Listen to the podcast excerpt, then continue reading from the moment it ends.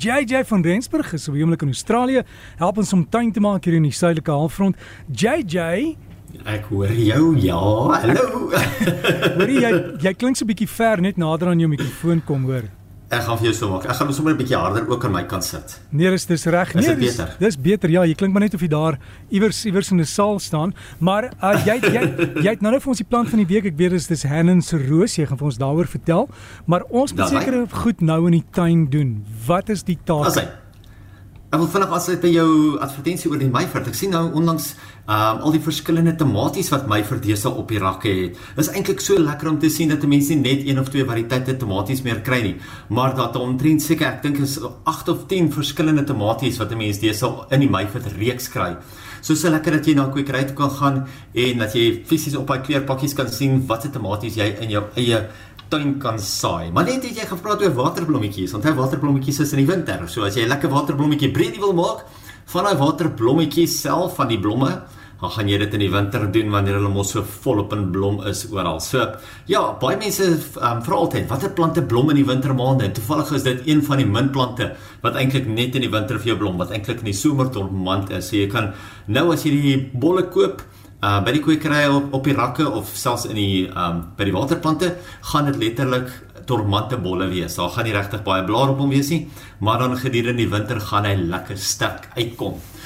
Maar Derek, ja, dit is so lekker om te sien hoeveel mense se saailinge nou vol in blom is en mense vergeet nou omdat alles so besig raak, jy weet, met die sport en die naweke wat so lekker besig raak, ge- vergeet mense om genoeg aandag aan jou saailinge te gee. Nou baie belangrik om gereeld nat te maak, maar ook nie te veel nie.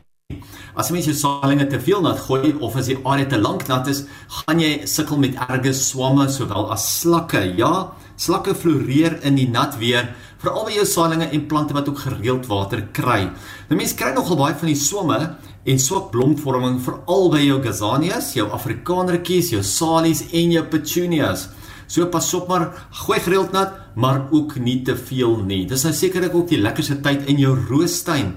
Nou almal se rose behoort nou vol in blom te wees en dis 'n goeie tyd om jou naaste kwekery te besoek en die regte rooskleur en geur vir jou tuin te kies. Mens kry deesdae die mooiste rose en dan as mens na hulle toe stap en ryk hulle nie altyd na iets nie, maar is nou die regte tyd om deur te gaan en te gaan ryk watter rose vir jou die lekkerste ryk. Nou baie mense met hooikoors of met erge hooikoors verkies dit om eintlik 'n roos te kry wat nie 'n sterk geur aan hom het nie, sodat hulle minder hooikoors probleme het maar ander mense um, wil nou weer 'n roos hê wat lekker ryk, nie net lekker ryk nie.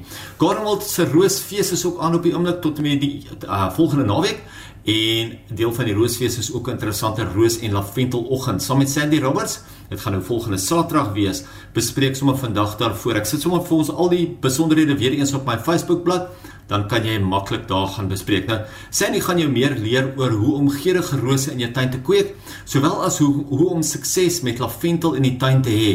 Ook in die um, kosdisse te gebruik. Nie alle laventels kan natuurlik in disse gebruik word nie. So, sy gaan vir jou sê watter laventel jy in die uh, dis mos 'n lavender soos meeste mense hom maar ken kan jy in jou kosdisse gebruik en natuurlik hoe mense dit kan gebruik. Nou, wat het rose nodig vir optimale groei? Nou meer son hoe beter. Rose soek ten minste 6 ure son per dag. As jy rose in jou tuin wil plant en jy kry nie regtig 6 ure son per dag nie, uh jy kan 'n iceberg kan jy nog plant waar jy so 5 ure son kry of miskien net so om en by 5 ure of meer, maar enige ander roos soek omtrent ten minste 6 ure son per dag. Per dag. Natuurlik heel eerste sal dit lekker ryk grond wees. Rose verkies grond met 'n lekker baie ryk kompos wat in die gat gegooi word as jy hom plant. Nou saam met die kompos gooi jy eers 'n 232 en beenmeel in die gat vir wortelontwikkeling en dan as die plant eers mooi groei, kan 'n mens 815 toedien vir blomvorming. Gooi gereeld nat ten minste 2 keer per week en as jy kan was die plant van kop tot tone so een keer 'n maand om die blare mooi skoon te hou.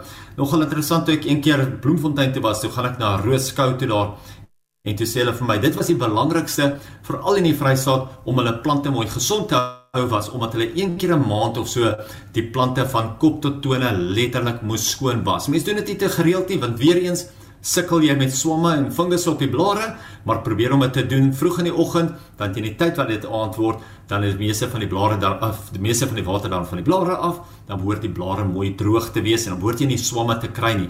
Maar jy was basies net die stof af. So jy gee die plante weer kans om lekker te kan asemhaal, lekker te kan fotosinteer en mooi gesond te wees. Die beste is om die roos ook nat te lei of die onderste blaartjies van die plant af te breek om daai swamme te verhoed. So in plaas van om jou plante nat te gooi of oorhoofse besproeiing op jou plante te sit. Probeer eerder om hom um, nat te lei en dan soos ek sê as jy kan so een keer 'n maand, een keer elke 2 weke of so kan jy hom fisies die hele plant net afspuit net om hom mooi af te was. En sê dit natuurlik lekker reën in jou omgewing en wat die reën dit sommer vir jou doen.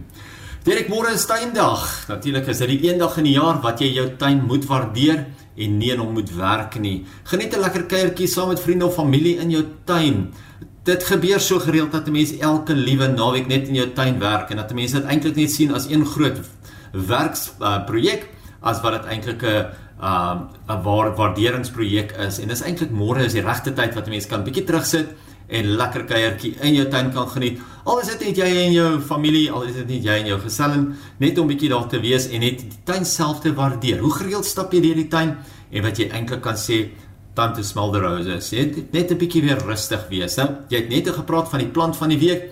En die roos wat sekerlik die beste gedoen het in die laaste paar jaar is ons plant van die week en dit is die Hannen roos. Nou sy Engelse lese is inspired by beauty, geïnspireer deur skoonheid. 'n Pragtige snyroos, 'n sterk cerise pink kleur, soos 'n donker helder pink en sekerlik die naaste wat jy aan 'n ware snyroos in jou eie tuin sal kry. Sy baie sterk groeier en hy kan selfs tot in die winter pragtig blom.